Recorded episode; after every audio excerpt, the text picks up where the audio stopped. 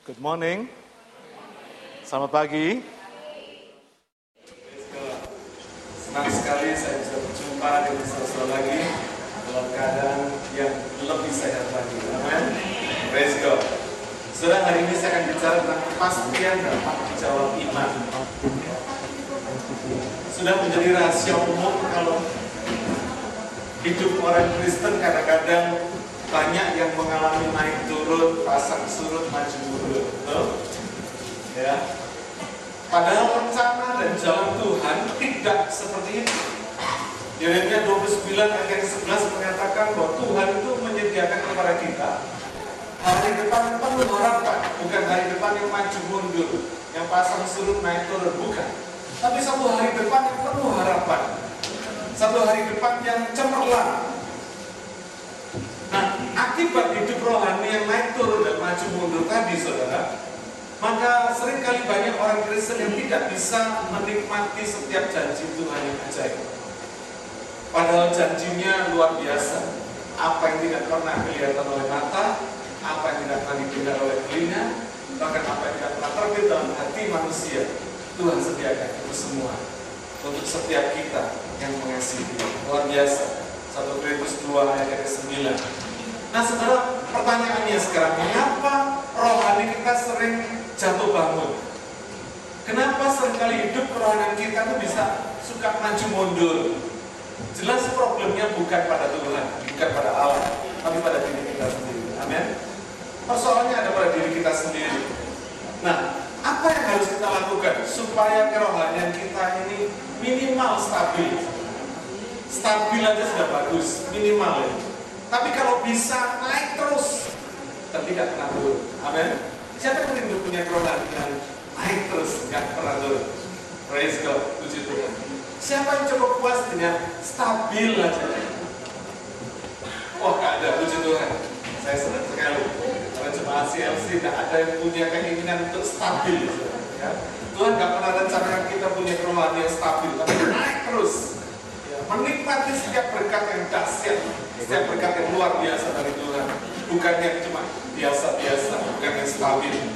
Nah, karena itu saya ingin mengajak saudara untuk melihat apa yang mesti kita lakukan supaya kerohanian kita ini bisa terus naik seperti yang dikehendaki Allah. Mari kita baca kitab ulangan pasal 28 ayat 13 dan 14. Ulangan pasal 28 ayat 13 dan 14. Kita baca sama-sama ya. Satu, dua, tiga.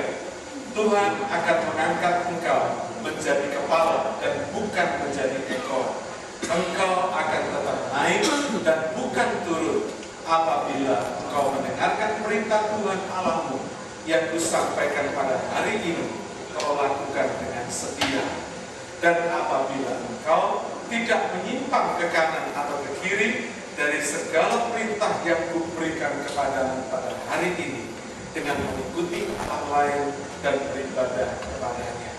Saudara, inilah rencana Allah yang sudah ditetapkan dalam hidup setiap orang percaya. Allah telah mendesain hidup orang percaya supaya menjadi kepala dan bukan menjadi ekor. Supaya terus naik dan bukan naik turun, saudara ya. Bukan turun lagi, tapi naik terus.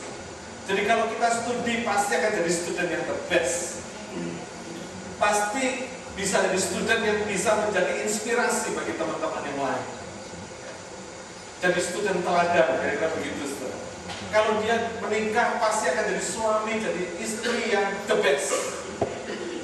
Yang menjadi inspirasi bagi suami istri yang lain sehingga orang kalau melihat bisa ngomong begini, kepingin loh Pak, punya suami istri kayak begitu. Kepingin loh rumah tanggaku kayak rumah tangga dia. Ya. Satu inspirasi yang luar biasa. Kalau sudah kerja pasti akan jadi karyawan yang the best saudara akan disayangi bos saudara, manajer saudara, teman-teman kerja saudara, saudara akan menjadi key person, jadi orang kunci di perusahaan itu. Jadi kalau tidak ada saudara, perusahaan itu merasa kurang lengkap. Ya. Saudara betul-betul sangat dibutuhkan oleh perusahaan. Nah kira-kira kalau ada kesempatan PHK, saudara akan di PHK nggak orang seperti ini? Nggak akan. Orang yang menjadi berkat seperti ini, orang yang the best, karyawan the best ini, nggak usah takut kena PHK. Karena perusahaan saudara akan rugi memphk saudara. Amin. Karena saudara menjadi sumber berkat bagi company itu, bagi perusahaan itu. Jadi saudara jangan pernah takut untuk saudara nanti kena PHK. Selama saudara bisa menjadi karyawan the best, tidak perlu takut saudara kena PHK. Ya, pasti akan lewat dari saudara. Kalau saudara menjadi pengusaha, pasti akan menjadi pengusaha yang the. Orang akan berkata, wah kalau kamu diludakan sama dia beres, tutup mata. Eh, cuma ada banyak orang Kristen yang justru dapat reputasi jelek. Kadang-kadang mesti jujur kita ngomong saudara. Kadang-kadang orang yang bukan Kristen bisa gagal bisa usaha lebih baik daripada yang Kristen. saudara. Kalau saudara melayani, saudara pasti akan jadi hamba Tuhan yang the best. Ya. Saudara pasti akan menjadi servant of God yang luar biasa. Yang menjadi inspirasi bagi gereja-gereja yang lain. Menjadi inspirasi bagi para hamba Tuhan yang lain. Pagi hari ini saya mau share kepada saudara tentang gereja kita. Saya bukan mengumpulkan si LC, tetapi saya mau kasih tahu bahwa si LC ini meskipun gereja masih kecil dalam tanda kutip, masih dilakukan di dalam jumlah jemaat yang tidak terlalu besar. Tapi saya mau kasih tahu saudara, impact si LC ini besar, impact yang besar. Tolong ditayangkan gambar. Saya ingin menunjukkan pada saudara bagaimana apa yang kita kerjakan di Kogara. Ya kalau sudah lihat di situ gambar itu sudah bisa lihat ada like di situ. Kelihatan nggak di bawah di Facebook? Ya, ya. Terlihat di bawah ini ada tulisannya like ini jempol gini 21.011 orang yang like. Dasar nggak saudara? 21 ribu Pernahkah sudah bayangkan? Dan setiap minggu Roni sama teman-teman karyawan di sana yang yang live broadcast di sini dan taruh sermon-sermon kita atau bapak-bapak kita di website di Facebook ini di like sama orang 21.011 orang pagi pagi hari ini. Saya minta Roni mengaktif tadi. Gambar yang kedua, saya ingin tunjukkan pada saudara. Ini adalah negara-negara yang akses website kita. Ada 72 negara dari 190 negara di seluruh dunia. Dahsyat nggak saudara? Ada 36,7 persen dunia sudah dicapai melalui website kita. Dahsyat nggak? Saudara, saya ingat istilah kecil-kecil satu kali. Ya, amin. CLC dia pun jumlahnya masih kecil, tapi saudara jangan pikir impactnya kecil. Saya lebih percaya pada gereja yang masih kecil tapi punya impact besar daripada gereja besar tidak punya impact, impactnya kecil. Percuma. Amin. Pendik gereja masih kecil tapi impactnya besar. Dan saya percaya kalau gereja itu impactnya besar, cepat atau lambat pasti besar. Sejak awal saya sudah katakan pada saudara, CLC tidak pernah saya desain, tidak pernah didesain Tuhan untuk jadi gereja kecil. Kenapa? Karena CLC mau konsekuen melakukan amanat agung. Amanat agung Tuhan Yesus dalam Matius 28 ayat 19 20 mengatakan, pergilah kamu sampai ke ujung bumi, saudara. Bukan cuma seujung Australia, tapi ke ujung bumi. Nah kita bisa mencapai ini melalui kerjasama, melalui kesatuan kita, melalui pelayanan kita semua. Saya percaya ini semua prestasi ini semua masih belum apa-apa. Nanti CLC anniversary, tim desain kita sudah menyiapkan informasi-informasi yang lebih mengejutkan lagi bagi saya. Dahsyat. Jadi saya mau kita semua tahu bahwa we are not playing church in here. Kita nggak bermain gereja-gerejaan di tempat ini. Tapi kita betul-betul mau menjadi gereja gereja yang memberkati dunia dan melakukan amal agung Tuhan. Amin. Saudara ini nggak main-main. 72 negara yang mengakses website kita. Dari 196 negara di seluruh dunia ada 72 negara yang sudah mengakses website kita.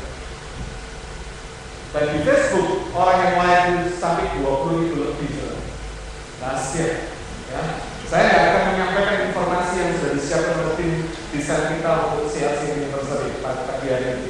Saya bikin surprise buat saudara nanti kalau sudah tanggal 17 kita anniversary, nah sudah lihat di situ warna gerejanya akan lebih terkejut lagi. Sekali. Jadi saya mau dulu supaya kita semua ngerti saudara bahwa pertumbuhan jemaat global kita ini luar biasa. Jemaat global CLC paling 100 lebih, sekitar 125-150 orang. Tapi jemaat globalnya ribuan orang. Ya, ini saya sampaikan ketika CLC ini berserta. Nah, kalau kita baca ayat ulangan 28 ayat 13 dan 14 tadi itu, kita perhatikan ada kata apabila. Kita semua senang kalau dengar kamu tidak akan dari uh, ekor tapi dari kepala. Kamu tidak akan turun tapi naik terus. Kita senang, kita senang sekali. Tapi kita mesti perhatikan ada kata apa? Apabila. Saudara perhatikan di firman Tuhan ini kata apabila ini itu menunjukkan adanya satu syarat syarat yang harus kita lakukan supaya bisa menjadi kepala juga ekor supaya tetap naik dan bukan turun. Apa syaratnya? Satu mendengarkan perintah Tuhan dan melakukannya dengan setia.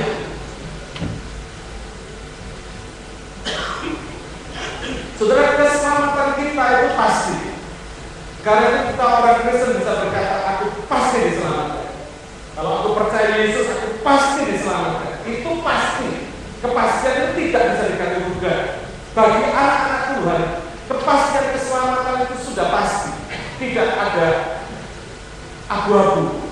Ya, nggak ada semoga nggak ada. Ya dan amin. Pasti keselamatan itu. Karena hari ini kita bisa berkata aku sudah diselamatkan. Orang yang percaya Yesus berani berkata aku sudah diselamatkan. Keselamatan itu dikerjakan oleh Tuhan Yesus buat kita melalui karya salibnya 2000 tahun yang lalu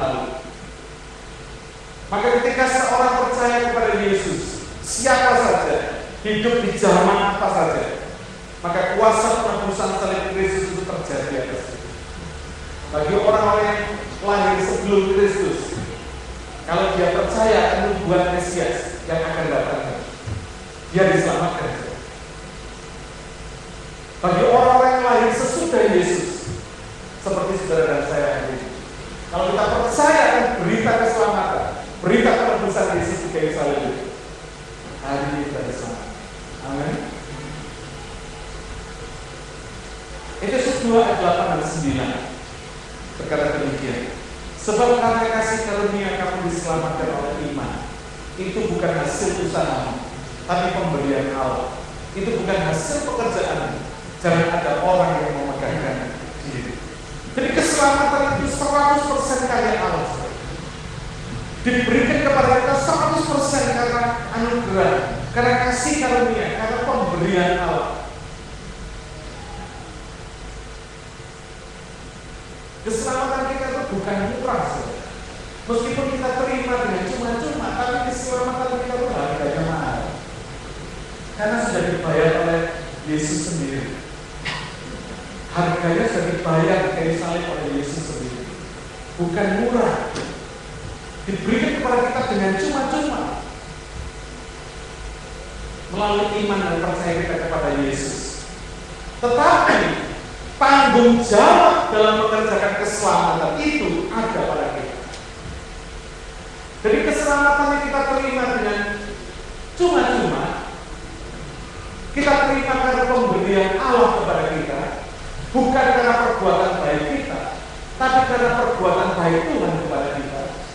Tetapi tanggung jawab mengerjakan keselamatan itu ada pada kita, bukan pada Tuhan lagi. Tanggung jawabnya terhadap keselamatan itu ada pada kita, bukan pada Tuhan. Filipi 2 ayat 12 dan 13. Hai saudara-saudara Dia kekasih, kamu senantiasa taat, karena itu tetaplah kerjakan keselamatan dengan takut dan gentar. Bukan saja seperti waktu aku masih hadir, tetapi terlebih pula sekarang waktu aku tidak hadir. Karena Allah lah yang mengerjakan di dalam kamu, baik kemauan maupun pekerjaan menurut kerelaannya. Allah turut bekerja di dalam kemauan dan perbuatan kita ketika kita mengerjakan keselamatan itu dengan takut dan gentar. Ketika kita bertanggung jawab atas keselamatan yang sudah kita terima, maka Allah turut bekerja di dalam hidup kita. Roma 8 ayat 28 mengatakan turut bekerja dalam segala sesuatu untuk mendatangkan kebaikan bagi setiap orang yang mengasihi Itu orang yang dipanggil, sudah dipanggil, orang yang sudah mengalami keselamatan. Tuhan turut bekerja di dalam kemauan kita maupun di dalam perbuatan kita. Karena itu kalau kita berhasil, kita tidak bisa sombong. Kenapa? Karena kita berhasil dalam mengerjakan keselamatan ini juga karena. Tidak akan pernah bisa berhasil jadi orang Kristen yang baik kalau tidak ditolong Tuhan. Cuma karena itu Tuhan memberikan kepada kita Roh Kudusnya sebagai penolong supaya ketika kita lemah, Roh Kudus yang kuatkan. Ketika kita susah, Roh Kudus yang dibutuhkan. Ketika kita menghadapi satu persoalan yang besar, Roh Kudus yang memberikan hikmat kepada kita untuk menyelesaikannya. Jadi kalau kita berhasil menjadi orang Kristen, menjadi anak Tuhan yang baik, sama sekali kita tidak bisa sombong. Kita tidak bisa berkata, oh karena gua bisa, karena gua bukan hebat, karena gua bukan rajin, karena gua bukan tekun, karena gua bukan setia. Tidak, saudara. Seberapa sih kemampuan kita kalau bukan Tuhan yang memampukan kita di dalam segala apa yang kita lakukan. Karena tidak ada sama sekali yang boleh memegahkan diri karena keberhasilannya. Semua karena Tuhan. Amin. Semua karena Tuhan. Keberhasilan kita karena Tuhan. Saya ambil contoh saudara. Di sini bisa beli Rolls Royce? Gak usah sepuluh satu aja. Tidak ada? Saya juga nggak bisa beli. Tapi suatu ketika karena ada orang kaya raya, mungkin Bill Gates dia mungkin duitnya sudah begitu mati. Dia kita kasihan nggak bisa punya Rolls Royce, dikasih Rolls Royce. Kasih cuma-cuma kita nggak bisa beli, kasih cuma ini, gua kasih Rolls Royce. Dan happy kan kita sudah dapat Rolls Royce. Kita memang nggak beli Rolls Royce itu karena yang bayar bukan kita orang lain, betul? Tapi tanggung jawab kita setelah kita terima Rolls Royce ini, kira-kira gimana sudah? Saudara parkir di Princess Highways itu? Enggak? Saudara kan pikir baik-baik bagaimana caranya supaya saudara ya minimal sudah bikin carport lah supaya ada yang menudungi Rolls Royce. Karena ini mahal, mobil mahal saudara nggak bisa beli. Sudah dikasih, tapi ada tanggung jawab saudara. Saudara tanggung jawab bersihkan, saudara tanggung jawab perawat, memeliharanya, saudara ganti olehnya. Kira-kira ganti oleh saudara pakai apa? Pertamina? Enggak kan? Saudara tahu ini mobil mahal, nggak bisa diganti Pertamina biasa. Saudara mesti ganti minimal Ataupun mungkin top one dan sebagainya. Oli-oli yang mahal, mungkin pensoil apa yang, yang mahal, jadi memang cocok buat buat Rolls Royce ini, betul nggak? Terus kalau sudah isi bensin kasih premium, enggak kan? Saudara kasih dia bensin yang spesial, bensin super yang terbaik. Karena sudah tahu ini mobil minumnya nggak sederhana, nggak sembarangan. Karena ini mobil mahal. Saudara ada tanggung jawab yang harus kita kerjakan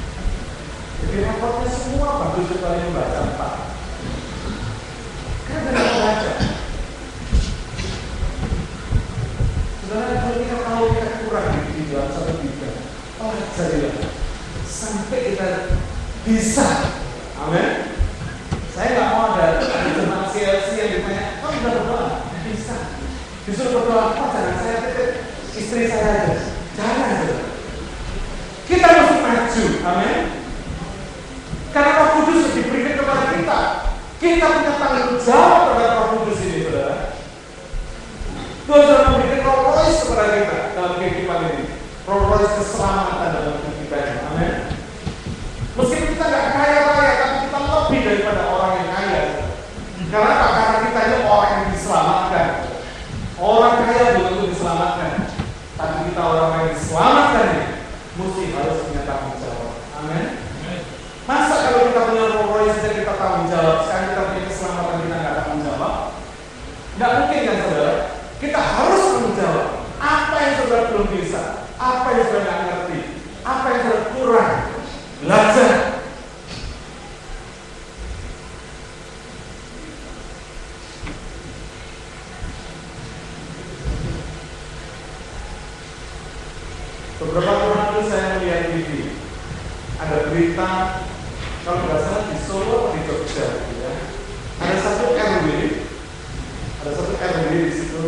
keluarga gitu ya itu yang mencanangkan bebas rokok.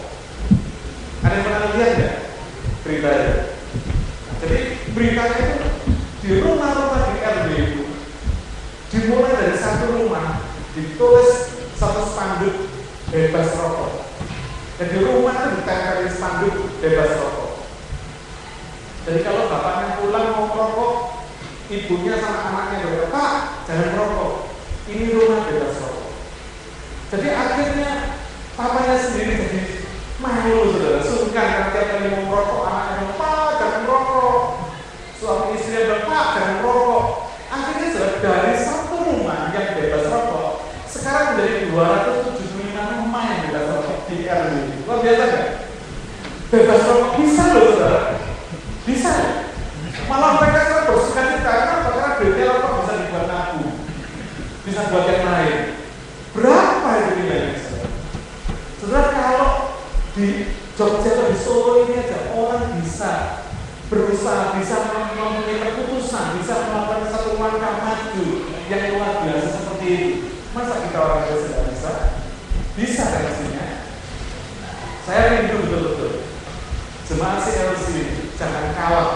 jemaat lokal di kota jangan kalah sama jemaat global kita di seluruh dunia. Amin. Sudah banyak sekali kesaksian dari jemaat global di seluruh dunia. Ya, kalau sudah mau akses, akses di website kesaksiannya ada di sini semua. Masa kita yang di lokal di sini yang dari pusatnya sudah kalah sama mereka di global karena mau kalah. Amin, saudara. Yang lain bisa diberkati, Ya, kita sudah menjadi berkat bagi seluruh dunia kita mulai maju, kita harus maju. Tidak boleh stagnasi, tidak boleh berhenti, tidak boleh stabil. Kerohanian kita mesti naik, harus naik. Pastikan dan putuskan dalam diri saudara sendiri. Aku mesti maju. Rohani mesti maju. Amin. Ya, jangan mau sudah biasa-biasa jadi orang biasa. Satu hari seorang kaya datang ke satu desa. Dia lihat ada seorang petani yang miskin, kasihan sekali. Petani ini punya cuma seekor kuda. Ke mana-mana pergi naik kuda. Lalu orang kaya ini berkata gini, karena dia punya hati tergerak. Dia berkata, ya saya berikan orang petani miskin ini Rolls Royce least bisa merasakan enaknya. Dia sudah tua, sudah susah hidupnya. Sekali-sekali selama akhir hidupnya dia bisa merasakan happy. Lalu dia berikan Rolls. Kasih ini happy sekali. Dia tahu bahwa Rolls ini mobil yang sangat mahal sekali yang dia nggak bisa beli. Setiap kali setiap bulan orang kaya ini berkunjung ke tempat petani miskin. Lalu sambil diceng sedikit dilihat kilometernya gitu. Kok nggak jauh? Kilometernya kok paling jalan satu kilo, dua kilo, tiga kilo, kok nggak jalan? Bulan berikutnya dilihat lagi, diceng lagi. Loh, kok cuma tambahnya sekilo, dua kilo, tiga kilo? Enggak, seperti mobil nggak akan dipakai. Lalu dia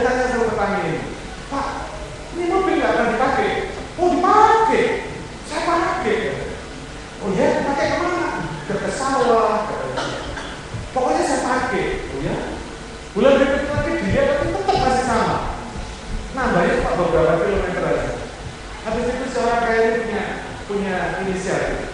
Dia akan intai, dia ingin mengintai. Apa yang dilakukan oleh Pak Petani ini? Pagi-pagi dia intai. Rupanya Pak Petani pagi-pagi dia ambil kudanya, dia cantolkan di mobil Rolls-nya, dia masuk ke mobil Rolls-nya, kudanya di, dipecut, kudanya jalan mobil Rolls-nya dia ikut jalan. Katanya, oh pantesan ngerti sekarang saya. Kenapa ini mobil tidak bisa apa jalannya cuma sedikit dan cuma di- ditarik sama kudanya. Lalu satu hari dia datang lagi. Lalu dia katakan sama petani, Pak, saya sudah lihat bapak ini naik naik mobil Rolls Royce ini ditarik sama kuda, betul? Iya betul. Sayang saya ini mobil mahal, sayang saya pakai. Lalu orang kaya ini berkata, Pak ngerti ya bahwa mobil ini tenaganya itu 7.500 kudanya bapak.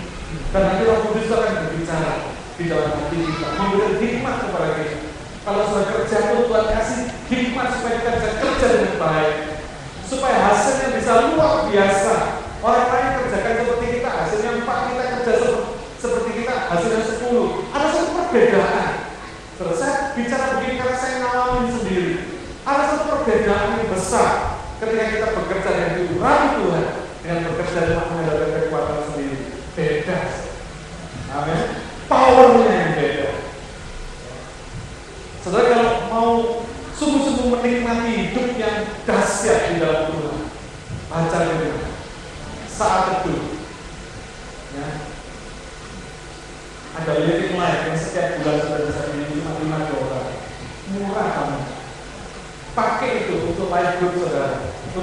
satu saudara.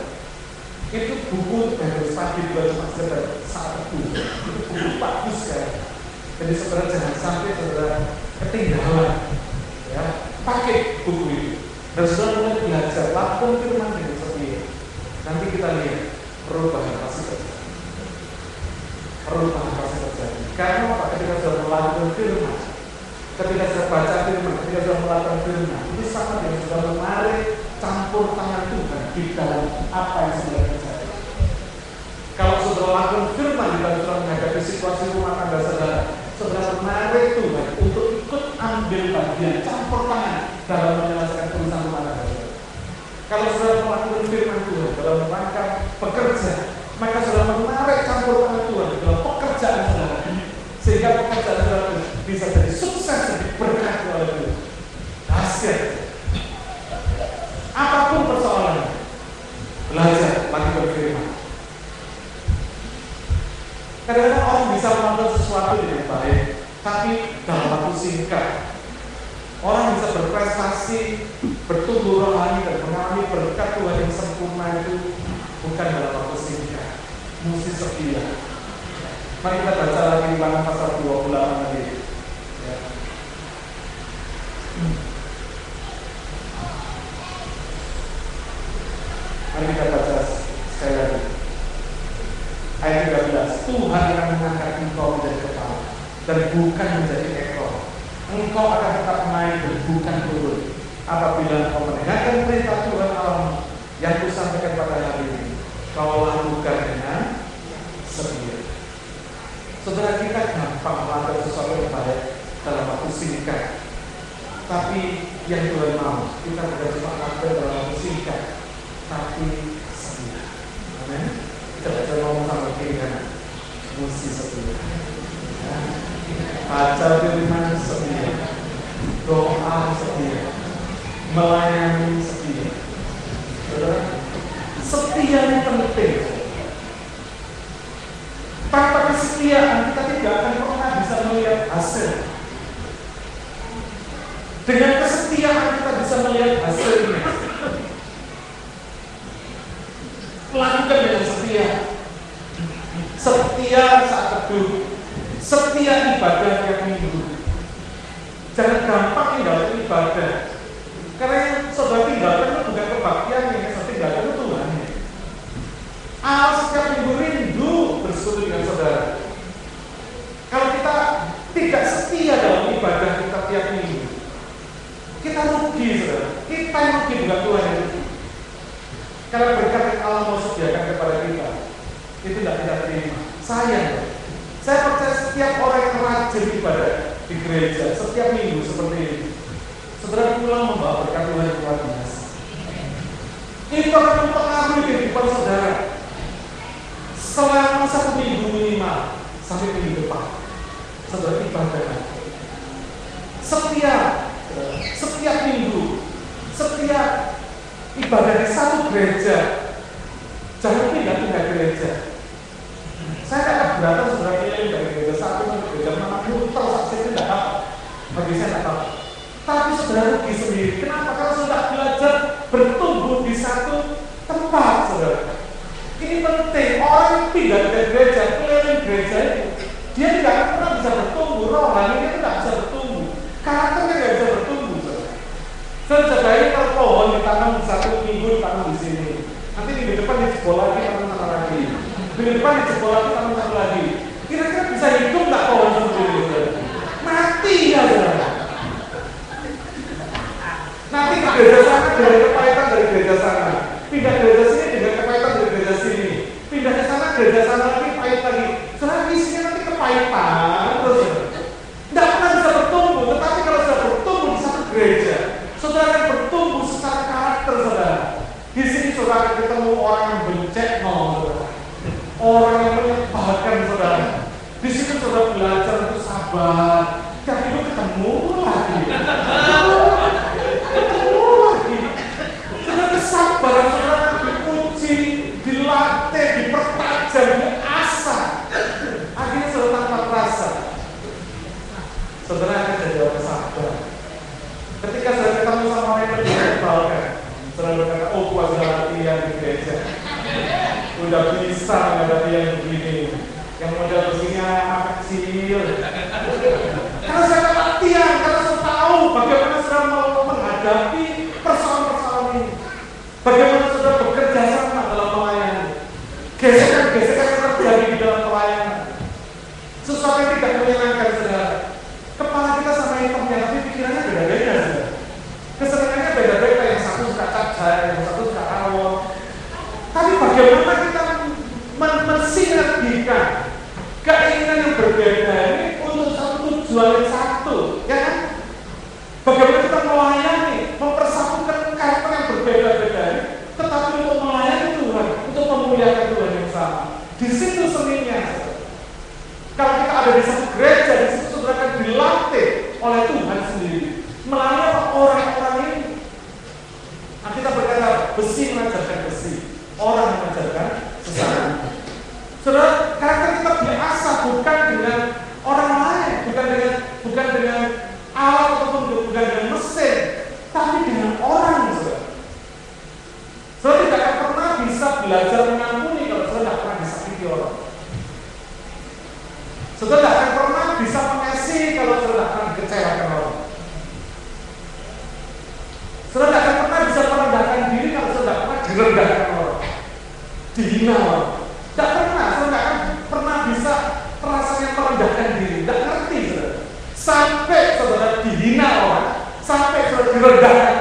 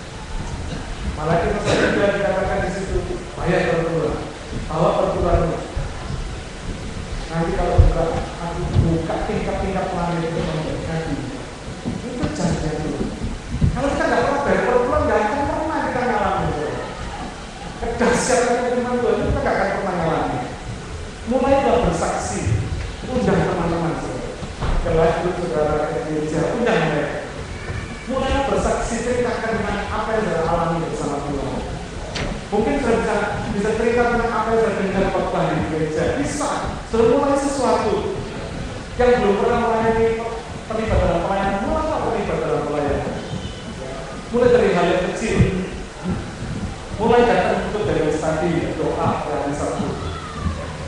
Jadi bagaimana apa yang kita mesti lakukan supaya kita mengalami kehidupan rohani yang naik terus, gak naik turun, gak pasang surut, gak maju mundur. Satu, Dengar firman Tuhan lakukan dengan setia. Simpel ya. Dengar firman Tuhan lakukan dengan setia. Dengar satu, lakukan satu. Dua, lakukan dua. Nanti kita akan melihat bagaimana hidup kita itu ubah Tuhan dengan ajar melalui firman Tuhan. Yang kedua, tidak menyimpang dari perintah Tuhan dengan mengikuti alam lain dan beribadah kepada Kalau di poin yang pertama tadi, Tuhan bicara tentang apa yang kita lakukan. Tapi di poin yang kedua ini bicara tentang motivasi, pikiran, dan sikap hati kita kepada Tuhan. Karena ini yang hubungan kita dengan Tuhan. Dan minggu lalu saya, saya katakan Tuhan tahu di pikiran kita ini apa Tuhan tahu.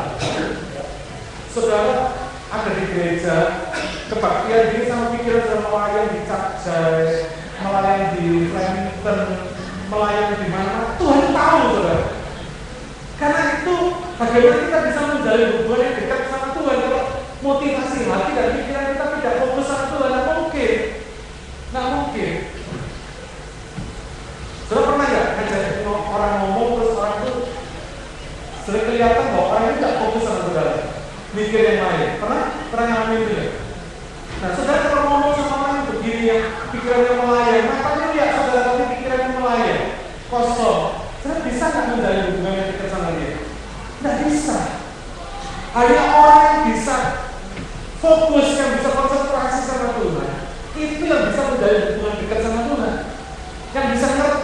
Bagaimana maunya Tuhan? Kedekatan hubungan ini sama Tuhan ini akan menentukan bukan apa yang kita lakukan, tetapi tergantung pada siapa yang kita kasih. Ini penting. Hidup kita ini saudara, kalau ini poin yang pertama, ada sesuatu yang kita harus lakukan. Tapi di poin yang kedua bukan apa yang kita lakukan, tapi siapa yang kita kasih, siapa yang kita cintai. Ini penting. Banyak anak Tuhan tidak mengerti prinsip ini.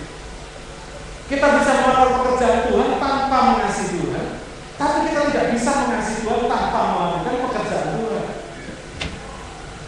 Orang bisa melakukan pekerjaan Tuhan as a job, as a bisa. Dan itu banyak, saudara. Saya harus ngomong terus terang ada banyak pendeta yang mengerjakan pekerjaan Tuhan as, as a career, as a job. Ada banyak. Tetapi Tuhan melihat hatinya. Tuhan lihat pikiran hati dan sikap hati. Itu akan menentukan hubungannya kita ini dekat sama Tuhan atau enggak. Rick Warren berkata demikian. There is nothing you will ever do that will make God love you more than He does right now. There is nothing that you will ever do that will make God love you less than He does right now. Maksudnya kita tidak bisa melakukan apa pun yang bisa bikin Allah itu lebih mengasihi kita atau kurang mengasihi kita, sebab Dia mengasihi siapa pun kita. Mengasihi kita itu apa adanya, siapa kita ini, bukan apa yang kita lakukan. Itu Tuhan. Karena Allah membutuhkan cinta kita ini kepada siapa, itu penting bagi Tuhan. Tidak tahu, saudara. Sama-sama ke gereja, tapi hatinya yang satu kecap jaya, yang satu ke Tuhan. Beda. Yang satu ke Wellington, yang satu ke Tuhan. Yang satu ke Pedismatan, yang satu ke Tuhan. Beda. Ini yang. Ini yang bikin kita punya hidup dekat sama Tuhan. Tuhan mau supaya hati dan pikiran kita hanya tertuju mengasihi Dia, tidak yang lain. Hati dan pikirannya akan menentukan kepada siapa sesungguhnya kita berdoa. Makanya dari poin kedua Tuhan mengatakan apa dia? Engkau tidak menyimpang ke kiri kanan. Apa dia engkau mengasihi dia dan tidak beribadah kepada Allah. Saudara, kadang-kadang kita ini ngakunya orang Kristen tapi sesungguhnya kita sudah beribadah kepada ilah lain. Yang kita cintai ini bukan Tuhan. Meskipun kita mereknya Kristen, tapi kadang kita sudah cinta yang lain yang bukan Tuhan. Bisa jadi ilah-ilah modern. Di dalam Lukas 10 ayat 38 sampai 42, di situ sebenarnya bisa melihat cerita tentang Maria dan Martha. Sudah pasti tahu ceritanya. Bagaimana Martha ini melayani sibuk melayani Tuhan, sedangkan Maria duduk dia mendengarkan Tuhan. Tahu ceritanya dia. Lalu Martha protes, Tuhan, kau lihat Maria enak-enakan, suruh dia bantu aku dong Tuhan. Lalu Tuhan sama Martha, Martha, Martha, kau ini memisahkan diri dari banyak perkara. Cuma satu aja yang perlu. Dan Maria itu yang tidak akan diambil dari ini. Maria sudah mengambil yang terbaik yang tidak akan diambil dari ini. Saudara, kelihatan bedanya. Kira-kira Martha ini melayani siapa? Melayani Yesus? Bagus, bagus kok. Bagus loh. Dia sibuk melayani, dia mempersiapkan makanan, melayani, melayani Yesus. Tapi ketika dia lihat Martha tidak membantu dia, dia mulai bersungguh-sungguh. Dia mulai protes. Jadi sebetulnya siapa yang jalan dirinya sendiri? Kalau sudah melayani Tuhan, sudah bersungguh-sungguh protes karena orang lain, sebetulnya sudah melayani siapa? Bukan melayani Tuhan, sudah melayani diri sudah sendiri.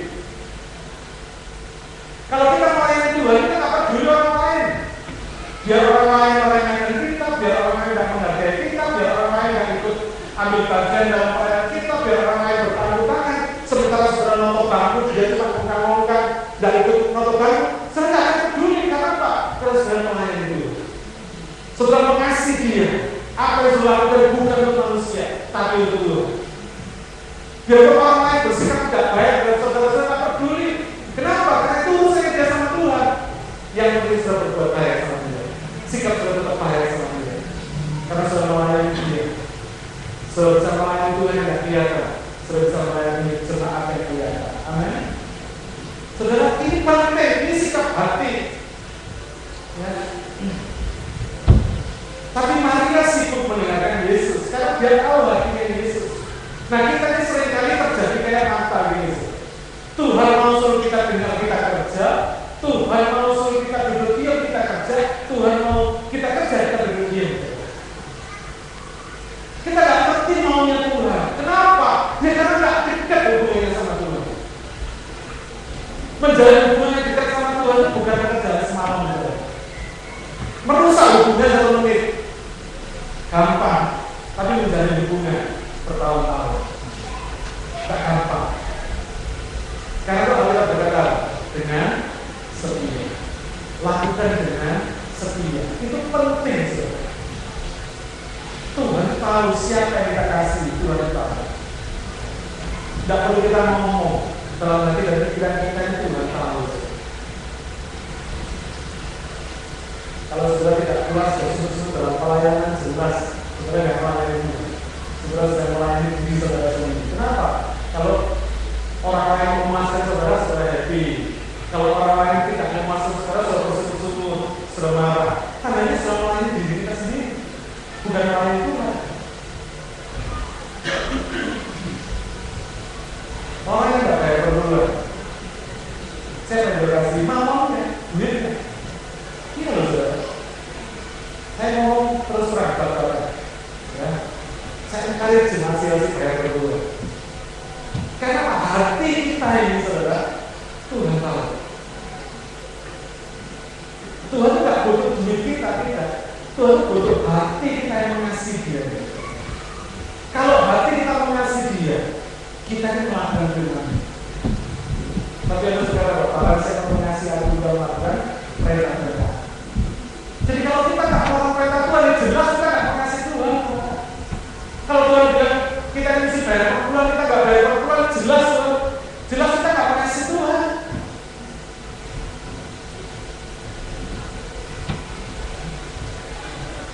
Usia CLC sudah 6 tahun. Jadi saya harap saudara sudah semakin dewasa, perlu makanan keras. Amin. Saya nggak peduli saudara mau kasih dulu sama saya ataupun enggak, saya nggak peduli. Tapi saya akan sampaikan firman Tuhan yang Pak. Amin. Maju saudara. Saya ingin saudara maju betul. Gak naik turun. Gak pasang surut, gak maju dulu. Tapi betul-betul naik. Kenapa? Karena Tuhan menyiapkan itu buat saudara. Desainnya Tuhan atas hidup saudara dan saya itu seperti itu. Saudara jadi kepala, udah jadi Saudara naik terus, tidak turun. Itu desainnya Tuhan. Mari kita dengar. Mari kita alami supaya berkat yang besar itu ada di dalam hidup kita. Selama kita tidak fokus kepada firman Tuhan, masih menyimpang ke kiri dan ke kanan, saudara kita tidak akan pernah bisa mengalami hidup rohani yang maju terus. Pasti maju mundur naik turun. Tapi kalau kita sudah fokus kepada firman Tuhan, kita hati kita mau taat akan firman Tuhan, saya percaya engkau akan melihat hidup rohani saudara akan naik. Terus naik. Tidak terasa saudara. Tiba-tiba sudah dipakai Tuhan dengan luar biasa.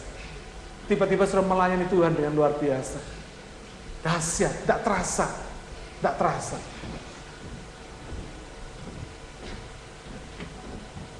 Kalau saudara fokus sama firman Tuhan, saya percaya hidup saudara pasti damai sejahtera.